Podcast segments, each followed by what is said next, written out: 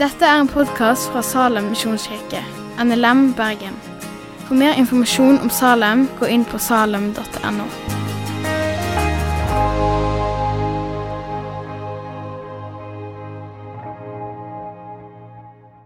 Jeg glemmer aldri en eh, novemberdag i eh, Peru 2018. Jeg var på leir med en tiendeklasse på avslutningstur ved kysten utenfor Arequipa, der som jeg bodde. Både lærere og elever de gledde seg spesielt til stranda. Eh, for Arequipa er en by på 2500 meter, så det var langt vekk eh, til stranda. Og Det tok ikke lang tid før gjengen var klar for den første badeøkta i den steikende sola. Jeg og en annen leder fra kirka vi var såkalt badevakt. Eh, det vil si, Vi var de eneste som sånn cirka var trygge på litt svømming. i hvert fall. Eh, vi sto og småprata litt, og vi hadde med oss en bøyle og et tau. bare sånn i tilfelle. Etter en liten stund så ser vi at det er fire gutter som har kommet litt langt ut i bølgene. Og Vi har sett dem en god stund, men vi ser plutselig at en av dem går litt lenger ut etter ei ganske stor bølge. Og vi gir raskt streng beskjed at de må komme seg fort innover. Og tre av fire klarer å komme seg inn. Men ikke den fjerde. Han går lenger og lenger ut, og han begynner å kave i bølgene. Og Det hadde ikke vært første gang noen hadde drukna i disse bølgene. Så vi må handle raskt. Leirsjef ringer til alarmsentral, eh, som både kan sende vannskuter og livredning. Eh, lederen som jeg er med, han tar med seg bøyla og springer ut, mens jeg mobiliserer litt flere folk til å holde tauet mens jeg går ut på dypet. Vi ser stadig mindre til denne gutten som strever i vannet. Men idet vi nærmer oss, så ser den andre lederen på meg med håpløse øyne. Og det er et blikk som sier 'Jeg ser ikke lenger gutten'. Jeg husker at jeg ropte til Gud 'Herre, frels'. Og det var forferdelige sekunder eh, mens vi sto der og ikke så gutten.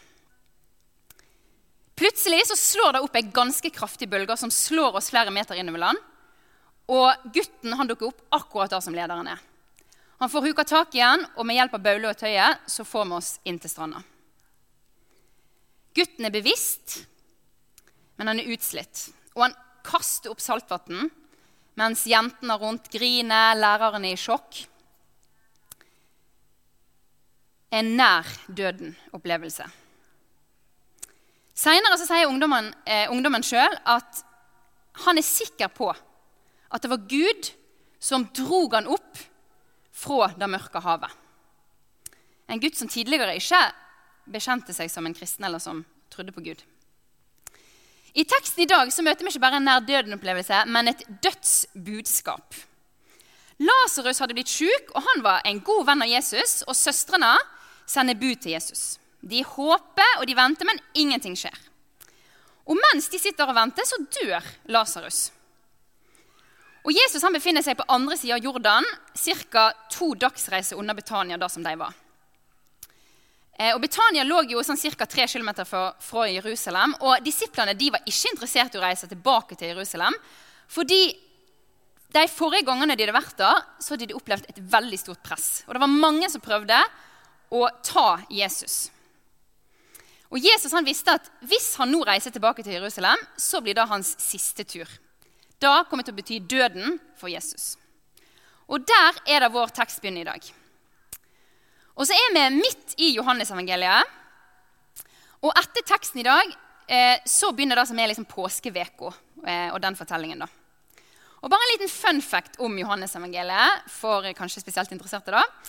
Eh, men hvis du vil huske hvor mange kapittel det er i Johannesevangeliet, så har jeg en liten sånn huskeregel, og det er sju ganger tre.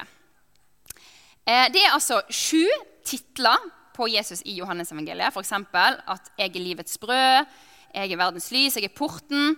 Og i dag så sier Jesus 'jeg er oppstandelsen og livet'.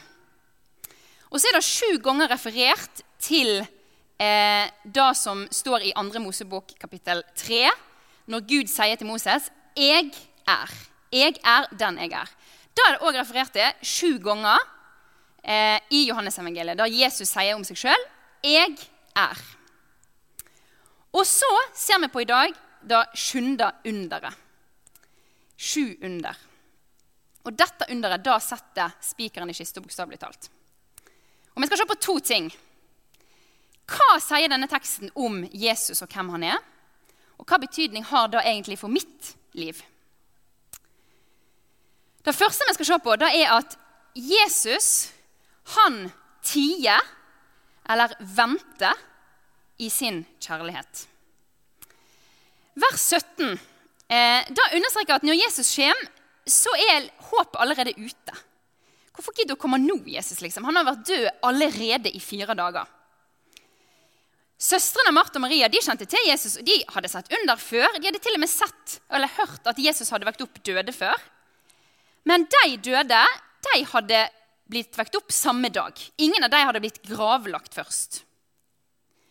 Og nå kommer Jesus egentlig allerede altfor seint. Men så avslører vers 4 at Jesus han hadde andre tanker. Han hadde lyst til å ære Gud gjennom døden til Lasarus. Eh, og det vil si at det var faktisk Guds vilje at Lasarus skulle dø. For han ville vise dem noe enda bedre.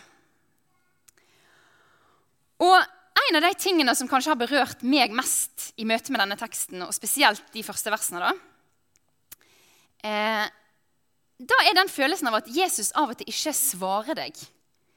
Av og til så ber en bønner, og en har bedt de lenge, men en ser liksom ikke noe svar. Hører han meg ikke? Har han glemt meg? Kanskje du ber om noe for tida som ikke du ser svar på? Men i det da, så eh, tror jeg at det fins en hemmelighet. Og det er at ventetid er ikke straff, men det er nåde. Det er ikke bortkasta tid når du venter, men det er faktisk ei spesiell nådetid. Der Gud kanskje vil vise oss noe som bare kan bli oppdaga i mørket da vi kanskje møter ei stengt dør, så blir vi faktisk tvunget til å se på han som har nøklene.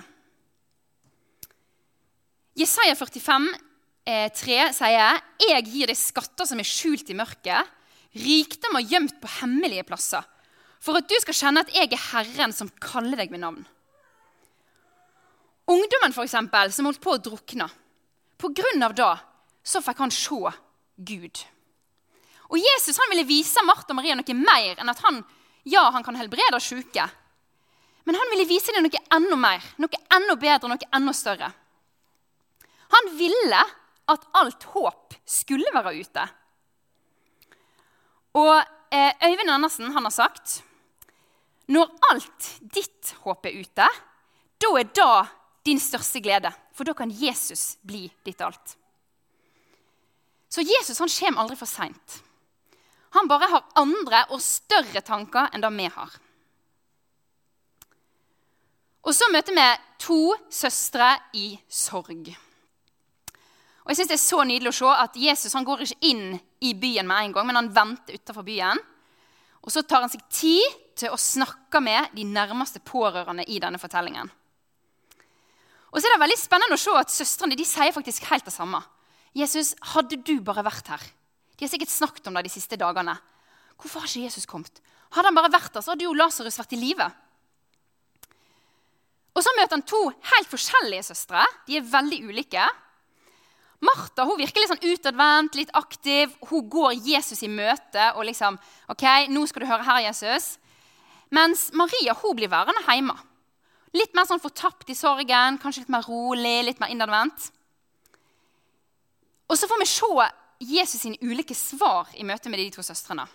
Og vi ser faktisk litt av Jesus sin guddom og menneskelighet.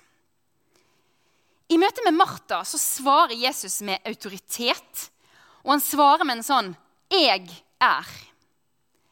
Jeg er oppstandelsen og livet. Og nettopp her så finner vi kanskje to av de mest eh, hva skal jeg si, brukte versene, som jeg tror eh, gir håp, og som har kommet til veldig mange i situasjoner der mennesker vi er glad i, har gått hjem til Jesus. Den som tror på meg, skal leve om han enn dør. Og den som lever og tror på meg, skal i evighet aldri dø.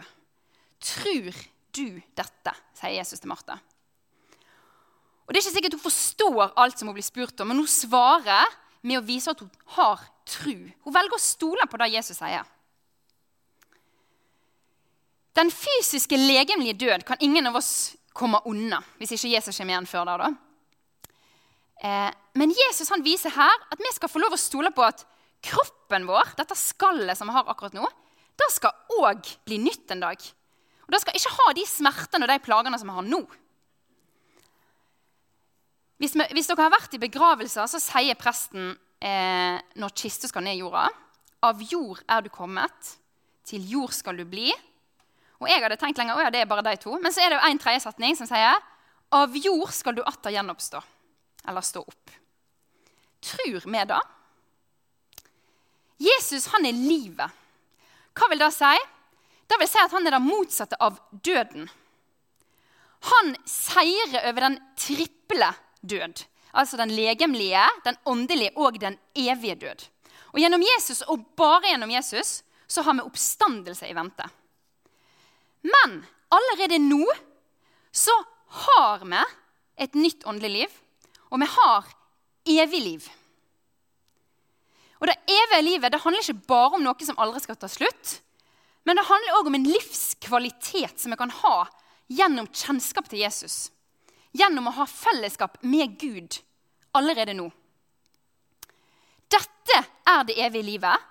At de kjenner deg, den eneste sanne Gud, og Han du sendte, Jesus Kristus. Og så får vi se hvordan Jesus møter Maria. Og Det syns jeg er så eh, sterkt, det møtet. Han har ingen autoritære ord. Det er nesten litt sånn Jesus blir målløs i det Maria faller ned framfor han og griner og brester ut i gråt. Livet sjøl møter døden. Og Så står det at hans indre blir opprørt, at det blir rysta. Og så står det Jesus gråt. Og Det ordet som er brukt, da betyr egentlig stille gråt. Det sto i motsetning til den gråten som jødene hadde, eller som kanskje Maria sjøl hadde. Det er sånn jammer, eh, høglytt gråt. Um, og hvorfor griner Jesus akkurat her? Det fins kanskje mange eh, svar. Um, kanskje så blir Jesus litt opprørt av å se rundt seg på jødene. Som, det var en sånn skikk, sorg, sorgskikk som sa at de måtte sørge i sju dager. Og det skulle være litt jammer og gråt, høylytt. Og ordene 'opprørt i sitt indre' da kan òg bety 'taler strengt til'. Altså, Jesus han taler liksom strengt til døden sjøl i det øyeblikket. Han ser at denne konsekvensen av synda, den legemlige døden, og den sorga det medfører, da gir Jesus en djup sorg. Kanskje så tenker han òg på egen død, som han visste nærma seg. Han visste at ved å gjøre dette underet så kom det til å koste han livet. Og så er det nettopp dette underet som peker fram mot det som skal skje på korset. Han skulle dø som den eneste synderen, som synder sjøl. Og Gud skulle straffe Jesus i stedet for oss. Ved hans sår skulle vi få legedom. Så vi ser hvordan livet sjøl reagerer i møte med døden.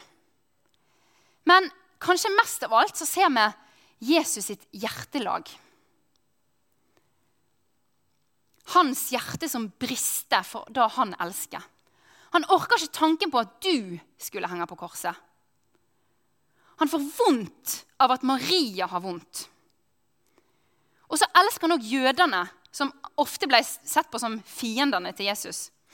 Det gir, da gir han sorg at de ikke forstår hvem han er, og hva han skulle gjøre. Han får vondt i hjertet sitt av at jødene er langt vekke fra sannheten. Fra han sjøl. Og så ser vi i teksten at Jesus han eh, spør hvor har dere lagt han. Det var liksom det eneste han klarte å si i det øyeblikket. Og Så tar de han med seg til grava. Eh, og Der inne så ligger det ikke bare en død kropp, men en kropp som hadde begynt å råtne allerede. Eh, og så ber han de om å fjerne steinen. Og når de har fjernet steinen, så begynner han å takke. Og så er det litt interessant å se at Jesus, når han møtte Martha og Maria, så hadde han på en måte litt fokus på ok, jeg skal snakke med deg først. Rolig. Ikke noe, liksom, uh, gjøre noe stort ut av det. Men nå så står han framfor grava. Livet møter døden. Og da er det ikke noe sånn der uh, Lasarus. Nei, da er det Lasarus, kom ut. Det er autoritet, og det står at han roper. Og disse trollmennene som levde på denne tida, de når de skulle gjøre liksom, magiske triks, så var det ofte hvisking. Så her vil Jesus få fram dette er ikke noe magisk triks. Dette er Guds sønn som viser sin makt over døden. Um, og Noen de sier at hvis ikke han hadde sagt Lasarus, så hadde alle døde stått opp når han ropte Lazarus ut. da. Men Herren over dødens makt kaller den døde.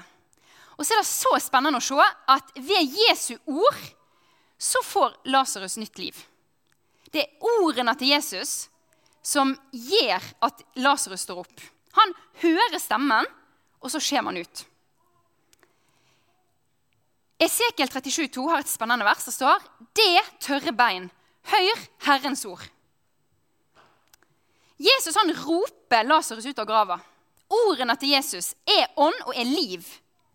Og Det går liksom inn i øra til Lasarus og ned i hjertet, så begynner det å banke igjen. Han står opp legemlig. Og da skal vi få lov å huske på i dag, gjennom denne teksten her, det er at Jesus sine ord da skaper det det nevner. Det er faktisk helt fantastisk. For sånn er det òg med oss. Min tru, vår tru, vårt nye liv har blitt skapt i møte med Jesus sine ord.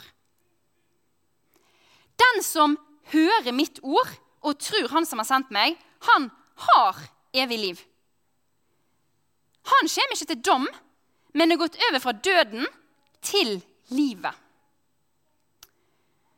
Og så stopper det ikke der. Men Lasarus, når han har kommet ut, så er han liksom bunden i de der likklærne sine. da, og De ble som regel knytt fast på noen punkt. Så det er ikke uten grunn at Jesus sier 'løs han og la han gå'. Eh, han trengte hjelp for å få opp disse knutene som bandt han. Og jeg synes Det er så fantastisk å se. Jesus han vil ikke bare gi nytt liv, eh, legemlig, åndelig og evig. Men han ønsker å gi oss et liv i frihet. Ikke bunden, men fri. Jesus har kommet for at vi skal ha liv, og liv i overflod. Fri fra det som binder, fri fra løgnene som kan komme eh, fra verden vi lever i, fra vårt indre. Fri fra skam og frihet det er faktisk å være bunden til Jesus. Da skal dere få kjenne sanninga, og sanninga skal gjøre dere fri. For Sønnen gjort deg fri, da blir dere virkelig fri. Da fikk Lasarus oppleve.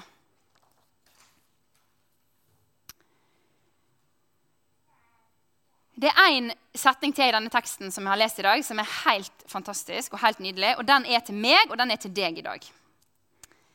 Mesteren er her og kaller på deg. Kanskje du er her i dag. Kanskje du er her, og du ligger fremdeles i denne grava.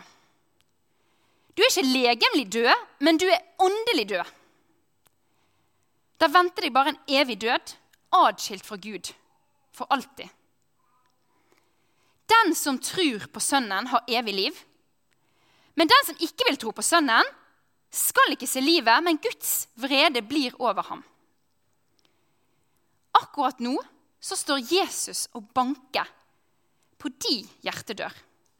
Han ønsker å kalle deg ut fra det mørke havets djup i dag. Han ønsker å vekke deg til live. Han har lyst til å vise deg at han døde og han oppsto for at du skal få leve evig. Og du skal òg få lov å oppstå og dette evige livet, da er faktisk nå. Da starter med å kjenne Jesus, som du kan få kjenne gjennom det du hører. Og så skal sannheten om hvem du er, om hvem Jesus er, da skal få sette deg fri. Sannheten om at Jesu død på korset er nok. Da kan sette deg fri. Mesteren er han å kalle på deg. Tror du dette? For basunen skal lyde. De døde skal stå opp i uforgjengelighet, og vi skal bli forvandlet. For det forgjengelige må bli kledd i uforgjengelighet, og det dødelige må bli kledd i udødelighet. Og når dette forgjengelige er kledd i uforgjengelighet, og dette dødelige kledd i udødelighet, da oppfylles det som står skrevet. Døden er oppslukt, seieren vunnet. Død, hvor er din brodd? Død, hvor er din seier? Men Gud være takk, som gir oss seier ved vår Herre Jesus Kristus. Amen. Takk for at du har hørt på podkasten fra Salem, Bergen.